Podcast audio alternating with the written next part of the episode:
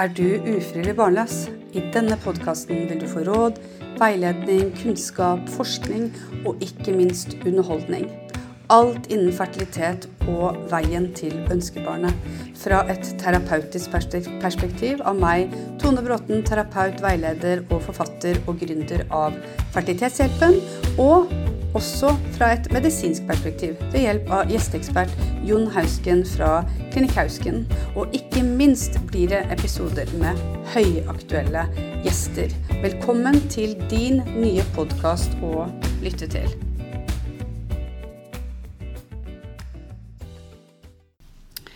Velkommen til denne dagens episode med selveste Vibeke Fjell. Eh, Vibeke, jeg tenker at du kan introdusere deg litt sjøl. Ja. ja, takk for at jeg får komme. Jeg har drevet Klinikk Fjell i ca. 20 år. Ehm, og jeg har studert eh, naturmedisin fem år først, før jeg bestemte meg for å bli akupunktør, hvor jeg da tok Norsk akupunkturhøgskole, en bachelorgrad der. Og mens jeg studerte akupunktur allerede, så jobbet jeg med fotsoneterapi eh, på en eh, klinikk. Eh, og da var det slik at veldig mange som fikk fotsoneterapi, ble gravide. Og det å hjelpe en kvinne å bli gravid det, Jeg var veldig ung selv, og det var bare det var plutselig som om jeg nesten var Jesus for disse damene. Så da bestemte jeg meg allerede at jeg skulle ta min bacheloroppgave i akupunktur innen fertilitet. Så fertilitet og det å hjelpe gravide, eller hjelpe da kvinner til å bli gravide, det er noe vi har felles. Ja, det har vi felles. Så det er bra. Og det er jo sånn vi møtte hverandre. Ja. Eh, jeg har bare lyst til å fortelle om mitt første møte med deg, Vibeke. Jeg hadde akkurat begynt som terapeut for ufrivillig barnløse og hadde starta å jobbe et uh, litt annet sted. Så kom jeg inn i din klinikk, og så var du så åpen og så vennlig og lurte på om jeg hadde lyst til å sitte litt hos deg som terapeut. Eh, og så merka vi da, og jeg tror også pasientene merka, at eh, du og jeg i samarbeid klarte å få de litt på beina igjen under, eh, under fertilitetsbehandling. Var det litt eh, din var det litt din eh, erfaring òg? Ja, det var jo faktisk slik at vi hadde en felles pasient som gikk både hos deg og hun gikk hos meg og fikk nåler, som sa at dere to må treffes, og dere to må begynne å jobbe sammen. Og så hørte vi på henne, da. Mm. Så eh, vi to er veldig forskjellige. Eh, men vi har liksom samme visjon, og vi elsker det å hjelpe mennesker som er i en vanskelig situasjon. Mm. Og vi elsker å se resultatet. At de får eh, det viktigste av alt i verden, nemlig en baby. Ja. Så jeg tror jeg var hos deg kanskje et år jeg, før jeg begynte å jobbe mer for, for, klinikken i Russland, som også du har samarbeida med i mange år. Ja, jeg har samarbeidet med doktor Olga i 15 16 år, for det, jeg kjenner jo det eldste barnet, og han er 16 år nå. Mm. eh, så da betyr det kanskje 17 år. eh, og jeg introduserte jo deg for Olga, og da mm. var det egentlig gjort. Hun eh, grabbed you. Hun eh, tok hele Tone, så da ble du veldig busy. Men samtidig ja. hadde vi jo veldig mange felles pasienter. Det hadde vi. Og fikk veldig mye erfaring også fra den eggdonasjonsbiten. Mm. For eggdonasjon var jo ikke lovlig den gangen. Eh, jeg tenker Vi skal innom et tema som eh, jeg tror veldig mange fertilitetspasienter er interessert i, og det er stress. Eh, når det kommer til deg, så får du jo mer nåler. Skal, vi skal snakke litt om det med nåler litt seinere. Men, men, hva er det du hjelper de fleste med, Vibeke, når det kommer til det med stress? Hva er de, hva er de vanligste problemstillingene du får? Du kan si at for en kvinne å oppleve at hun ikke får barn, det er jo et stressnivå man faktisk medisinsk sett har sammenlignet med det å få en alvorlig kreftdiagnose. Eh, det er på en måte litt det samme eh, problemstillingen, at du ikke duger som mor. fordi, eller at du ikke, du ikke, kan bli mor. Altså det, er, det er en enorm påkjenning. Mm. Så for veldig mange så blir dette bare et sånt sort hull som de ikke helt håndterer. Og nå med så mange års erfaring så syns jeg det er veldig gøy å få inn folk i så dyp krise. Og så har jeg faktisk et verktøy, så jeg kan hjelpe de å komme seg gjennom denne prosessen. Jeg kan si, før de egentlig sier så mye, så kan jeg si hva de føler, eh, hvordan de tenker. At de blir sjalu på andre kvinner. Altså Vi snakker om temaer som de ikke så lett snakker med andre om, da, som de syns er veldig vanskelig. Mm. Jeg er jo veldig sånn som person, og jeg syns det er veldig behagelig å kunne åpne seg eh, om alle vanskelige temaer. Eh, og det får de gjøre hos meg. Og nesten alle som kommer inn til meg første gang, eh, må vi sitte med en helt stor tørkerull, og de gråter og de gråter, og mange er sånn 'Oi, unnskyld, å, jeg visste ikke at dette skulle komme.' Og så sier jeg 'Men dette visste jeg at skulle komme'. Jeg er veldig opptatt av at disse tårene må komme ut, og det er veldig fint at de kan komme ut på et rom hos meg hvor døren er lukket, og jeg sier at etterpå så er det ingen andre som vet om alt det vi to har snakket om. Så det blir på en måte et litt sånn hemmelig rom hvor vi snakker om følelsene, og særlig mye sjalusi snakker vi mye om. Jeg har jobbet et helt år i India, eh, akkurat da jeg var ferdig. Eh, det er veldig fint. I India må du være lege for å være akupunktør, så det er mye mer integrert i medisinen. Eh, og da jobbet jeg på en kvinneklinikk som bl.a. også var om fertilitet. Og det er veldig spesielt i India, fordi bare du går ut døren, så tyter det jo barn overalt. Altså De fleste kvinner der får sikkert åtte barn. Mens de da som tar lang utdannelse, de tenker ikke på å få barn før de kanskje er nesten 40, og så begynner klokken å tikke. Eh, Men, men i India så snakker de om sjalusi. Eh, Det er veldig annerledes. I'm so jealous! Mens her i Norge så er det å være sjalu, det er litt tabu. Så det er noe jeg alltid tar opp med de, litt for å bare løsne på den floken. da, at det er veldig naturlig at du er sjalu på venninnene dine hvor barna bare tyter ut. Eh, og jeg forteller de at kanskje du ikke skal gå i babyshower og alle mulige situasjoner hvor disse følelsene kommer opp enda mer, da. Så Det her kjenner jo jeg meg veldig godt igjen i. Det er jo, eh, jeg jobber jo også masse med det her. Det her eh, jeg, jeg pleier å si til de det at eh, det her stresset er jo veldig situasjonsbestemt. Altså Hvis du hadde tatt bort hele barneprosjektet eller det at du sliter, så hvordan hadde livet ditt sett ut da? Eh, nei, da tror jeg ikke at jeg hadde hatt så mye stress. Altså, det å være i en situasjon som er så uviss, hvor du ikke helt veit eh, når eller om barnet kommer, den uvissheten er jo, veldig, er jo litt sånn energisluk, eh, tenker jeg. Så, så jeg pleier å si at det stresset er på en måte situasjonsbestemt. Det vil ikke vare for evig, men så er det jo det å finne en balanse. Hvordan skal man klare å leve med det eh, her stresset? Og det, det du sier, og det var så fint det du sa om det der hemmelige rom, det å kunne sitte og være trygg og lage en trygg ramme eh, rundt de her damene, for det er mest damer som kommer, er det ikke det? Det er mest damer som kommer til meg. Det er det absolutt. Jeg har en del menn som kommer mer for andre ting, da. Men der det er par som sliter, så sender jeg de jo til deg, Tone. Ja, det veit jeg.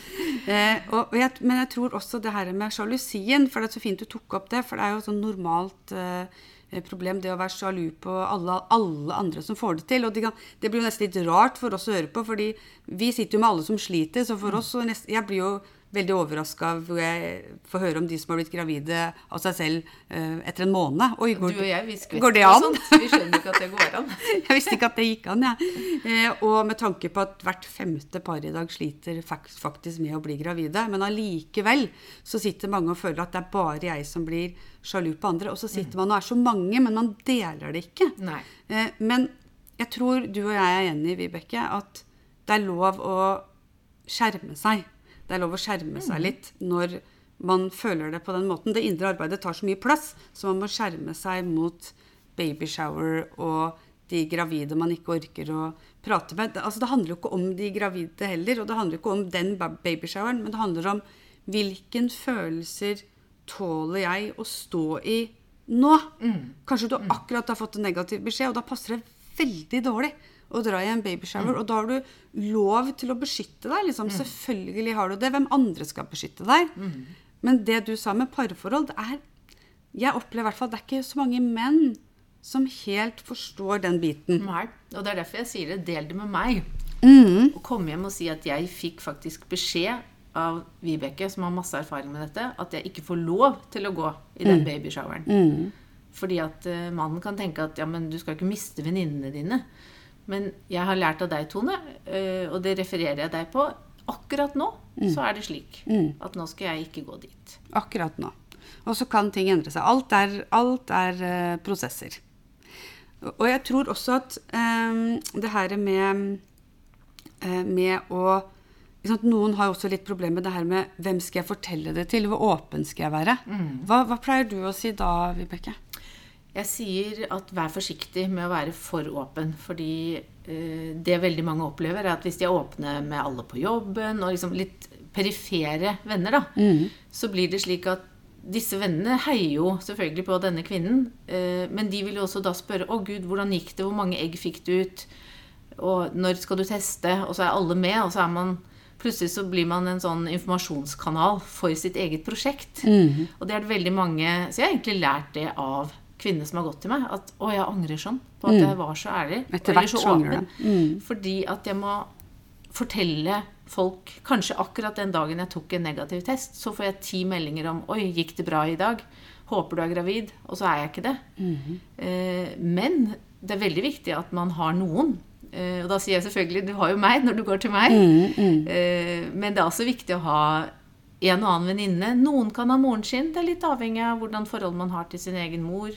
Noen ganger så opplever de at å dele det med sin egen mor, da må de bære også mammas sorg. Eh, fordi hun syns det er så vondt at hennes datter ikke får barn. Så da sier jeg ok, det er fint at mor vet at du er i en prosess, men at mor får beskjed om ikke å spørre hele tiden, og at du sier at du forteller når du er klar for det.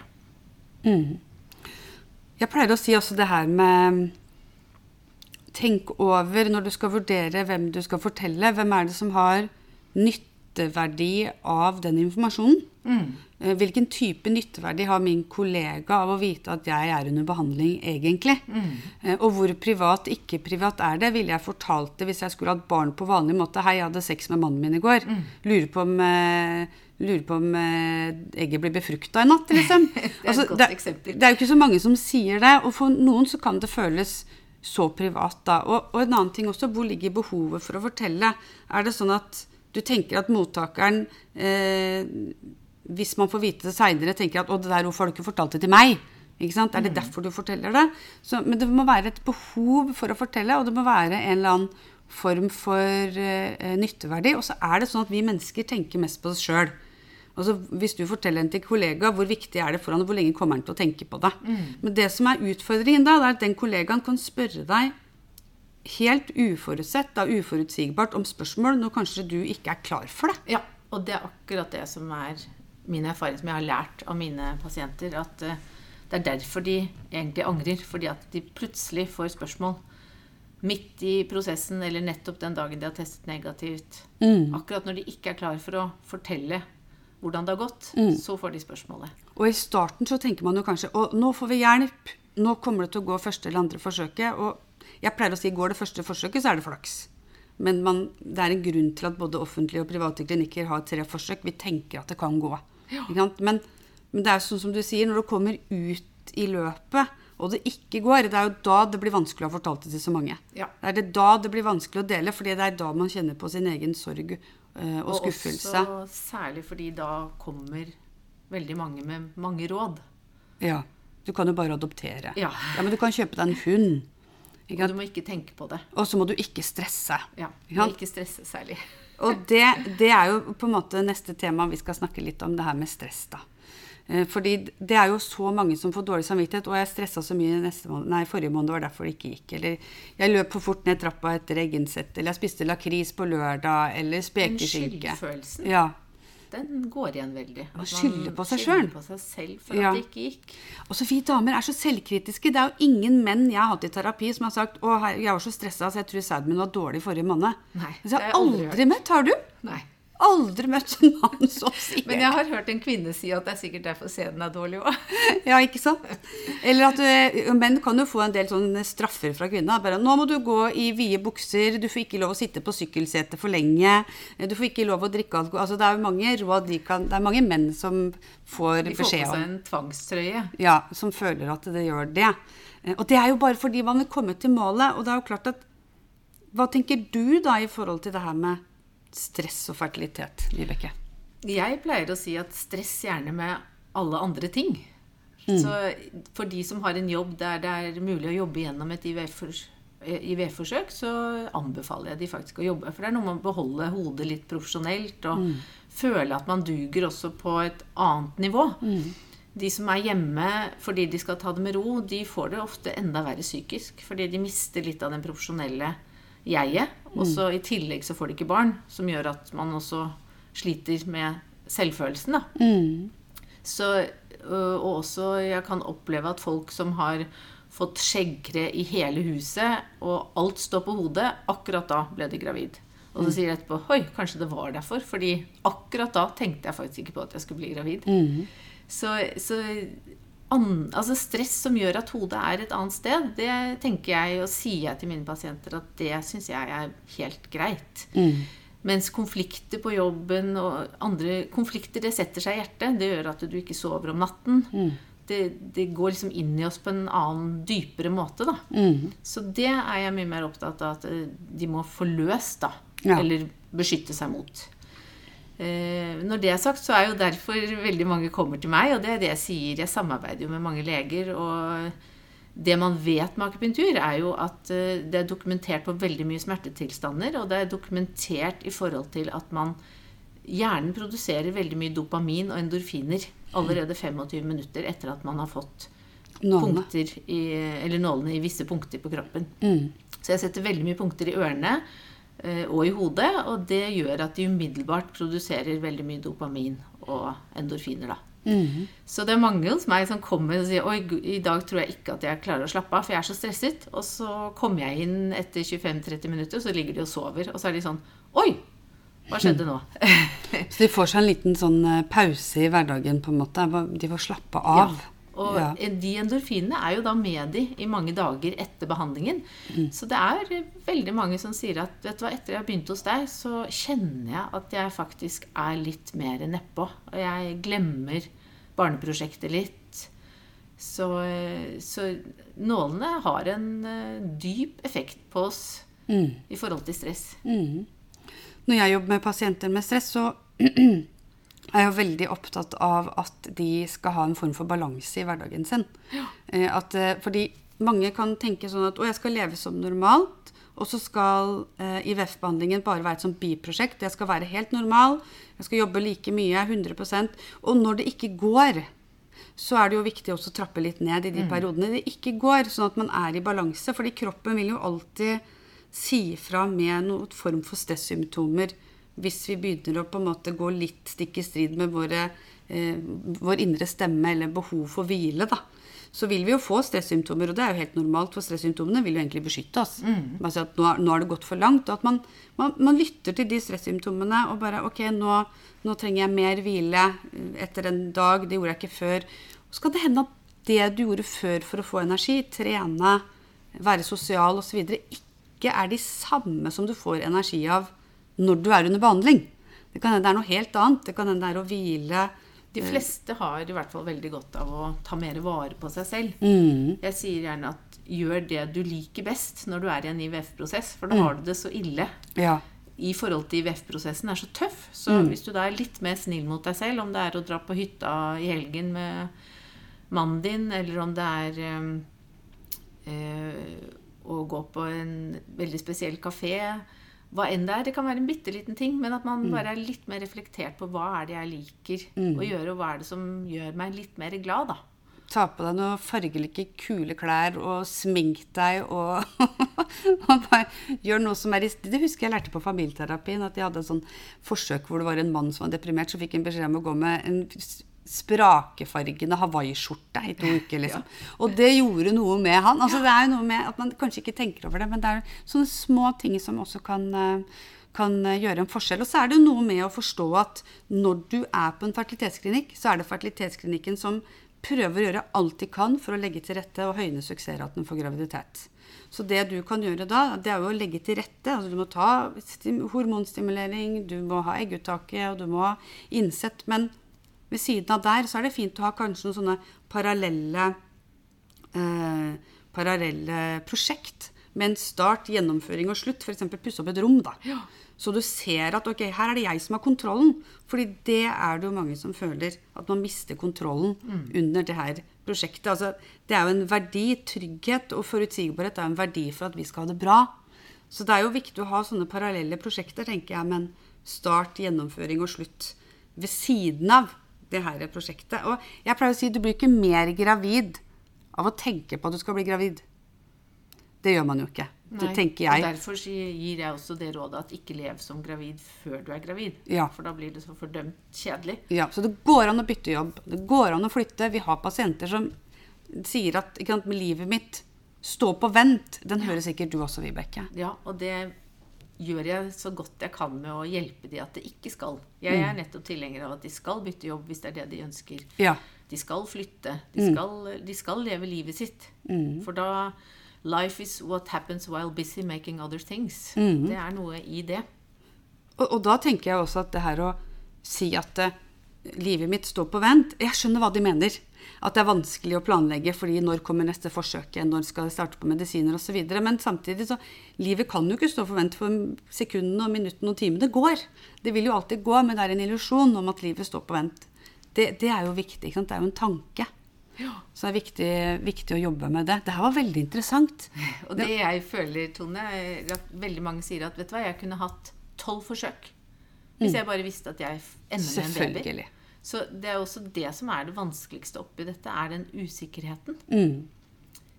Det er det jeg tenker. Og den uvissheten at man, uh, at man ikke vet. Men du og jeg vet jo at det er jo så mye hjelp å få både i Norge og i utlandet. Ja. At det, i vår verden kanskje så er det sånn at du, det er nesten umulig å ikke bli mor.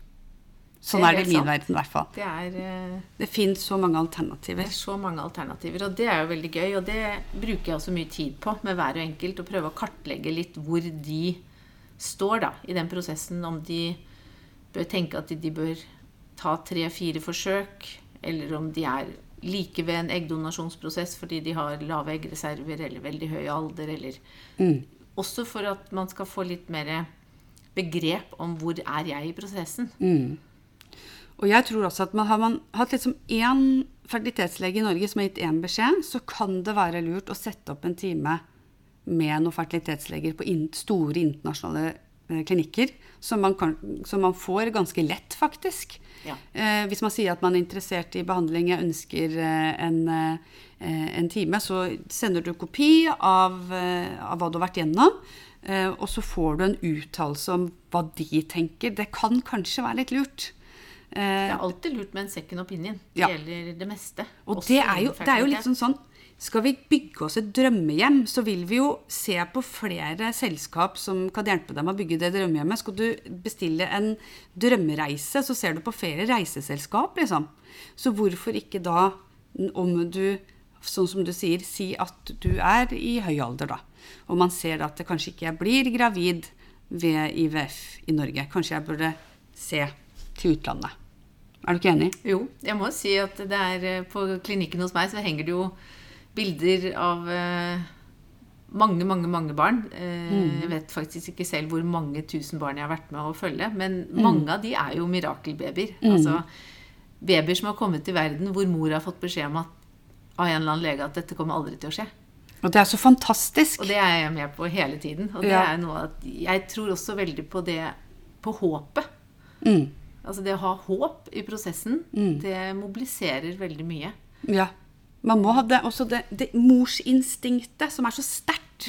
Liksom, som er drivkraften for noen. 'Å, jeg, jeg er så lei meg knust etter en mislykka forsøk.' Og så tenker jeg wow, det viser jo hvor mye du ønsker det her. Det her er motoren din. Kom igjen, liksom. Og hvis man har det for godt i livet, hvis man har det så bra, hvor ligger da motivasjonen til endring? Det er helt sant. Så det er noe med at for at vi skal ville framover, så må man jo også ønske noe veldig sterkt, tenker jeg da. Og det må jeg si, jeg er imponert over den driven jeg ser Mm. i kvinner som går gjennom IVF. Og jeg tar av meg hatten altså for så mange som har hatt så lang og tøff prosess, og så mange fallgruver. Og de kommer seg gjennom. Og det som er veldig gøy, er at eh, for mange så er det jo slik at når de endelig får det første barnet, så kommer det kanskje ett barn til med IVF, og så kommer det tredje barnet bare helt av seg selv. Altså det er så mange skjønne, vakre historier. Mm. Og, og vi er så heldige som får dele det med dem. Ja, og jeg har jo kontakt med mange av de. opp igjennom. De eldste barna nå, de er jo noen og tyve år, som bare tekster meg og spør 'Hei, Vibeke, jeg har bilbetennelse, kan jeg komme?' Og så har jeg vært med Ja. helt i starten, da det, dette mennesket var i magen til mamma. Mhm. Tenk på det. Så fantastisk. Vet du hva jeg sliter med, Vibeke? Det er sånn Hei, tusen takk for samtalene. Her er Lille. Og så får jeg et barnebilde. Men jeg er jo så dårlig på navn. Så når jeg bare får bilde av barnet, så vet jeg ikke hvem det er fra. Så det er Jeg ber de viktig. alltid komme på besøk. Ja, det er mye lurere. Mor og baby. Eller så tror jeg jeg må begynne å si når du tar bilde etter du er født, ta bilde sammen med deg selv. For jeg er ekstremt god på ansikter, men så dårlig på, eh, på navn. Men eh, mange fine babyer da, som eh, vi er med på. Jeg, jeg tror vi kan på en måte konkludere med at vi begge, altså du som akupunktør og veileder, jeg som terapeut for ufrivillig barnløse, at vi begge er en sånn krykke på veien. Ja, det er vi absolutt. Er du Og? Noen uh, føler at de blir helt avhengig av meg, og det Ja. jeg det er helt greit. Det er greit. Mm. det er i en periode. Det er ikke for resten av livet, selv om det er faktisk mange har mye kontakt med Som har fått et nært, nært fått et forhold til deg, på en måte. Ja, Ja. og det, det er jo en gave for meg. Ja, selvfølgelig. Selvfølgelig. Tror vi fikk til en sånn kjempefin episode nå om stress og ivaretagelse. Eh, vi, må, vi får dele opp og ha en, eh, en episode seinere om, eh, om mer om akupunktur og hva det gjør med kroppen. Ja. Men akkurat den her tror jeg blir veldig fin å høre på i forhold til de temaene vi har hatt. Hva tror du, Vibeke? Jeg tror den i hvert fall tar opp eh, nettopp dette med hvordan håndtere det, og tabu som sjalusi og Ja, disse tingene. det tenker jeg jeg. skal være godt for mange av kvinnene som går gjennom dette, å høre på. Og jeg tror også jeg har lyst til å si det, at eh, når man stresser og begynner å skylde på seg sjøl, tenk at embryokvaliteten er så viktig. Det har nettopp vært en veldig stor studie fra USA hvor de hadde 4000 par i behandling. eh, Hvor de tok da PGTA av embryoene. De satte bare inn de som var perfekte. 96% blei gravide mellom 1 til 4 forsøk. Så det er viktig også å tenke på at embryokvaliteten er superviktig. Jeg tror ikke det er sånn at når embryo nærmer seg den hinna, så tenker han hm, jeg må stoppe, for jeg veit ikke hva denne dama har tenkt de siste to ukene, eller hvor mye hun har stressa. Vi må stole på at også mirakler skjer i kroppen vår naturlig, tror jeg. Det tror jeg jo. Ja. Da takker vi for eh, følget. Vil dere eh, eh, ha Vibeke som en krykke eller få nåler av henne, så finner dere henne på eh, Klinikk Fjell på Majorstua. Uh, og jeg er Tone Bråten, Fertilitetshjelpen og Klinikk Hausken. Takk for at dere lytta.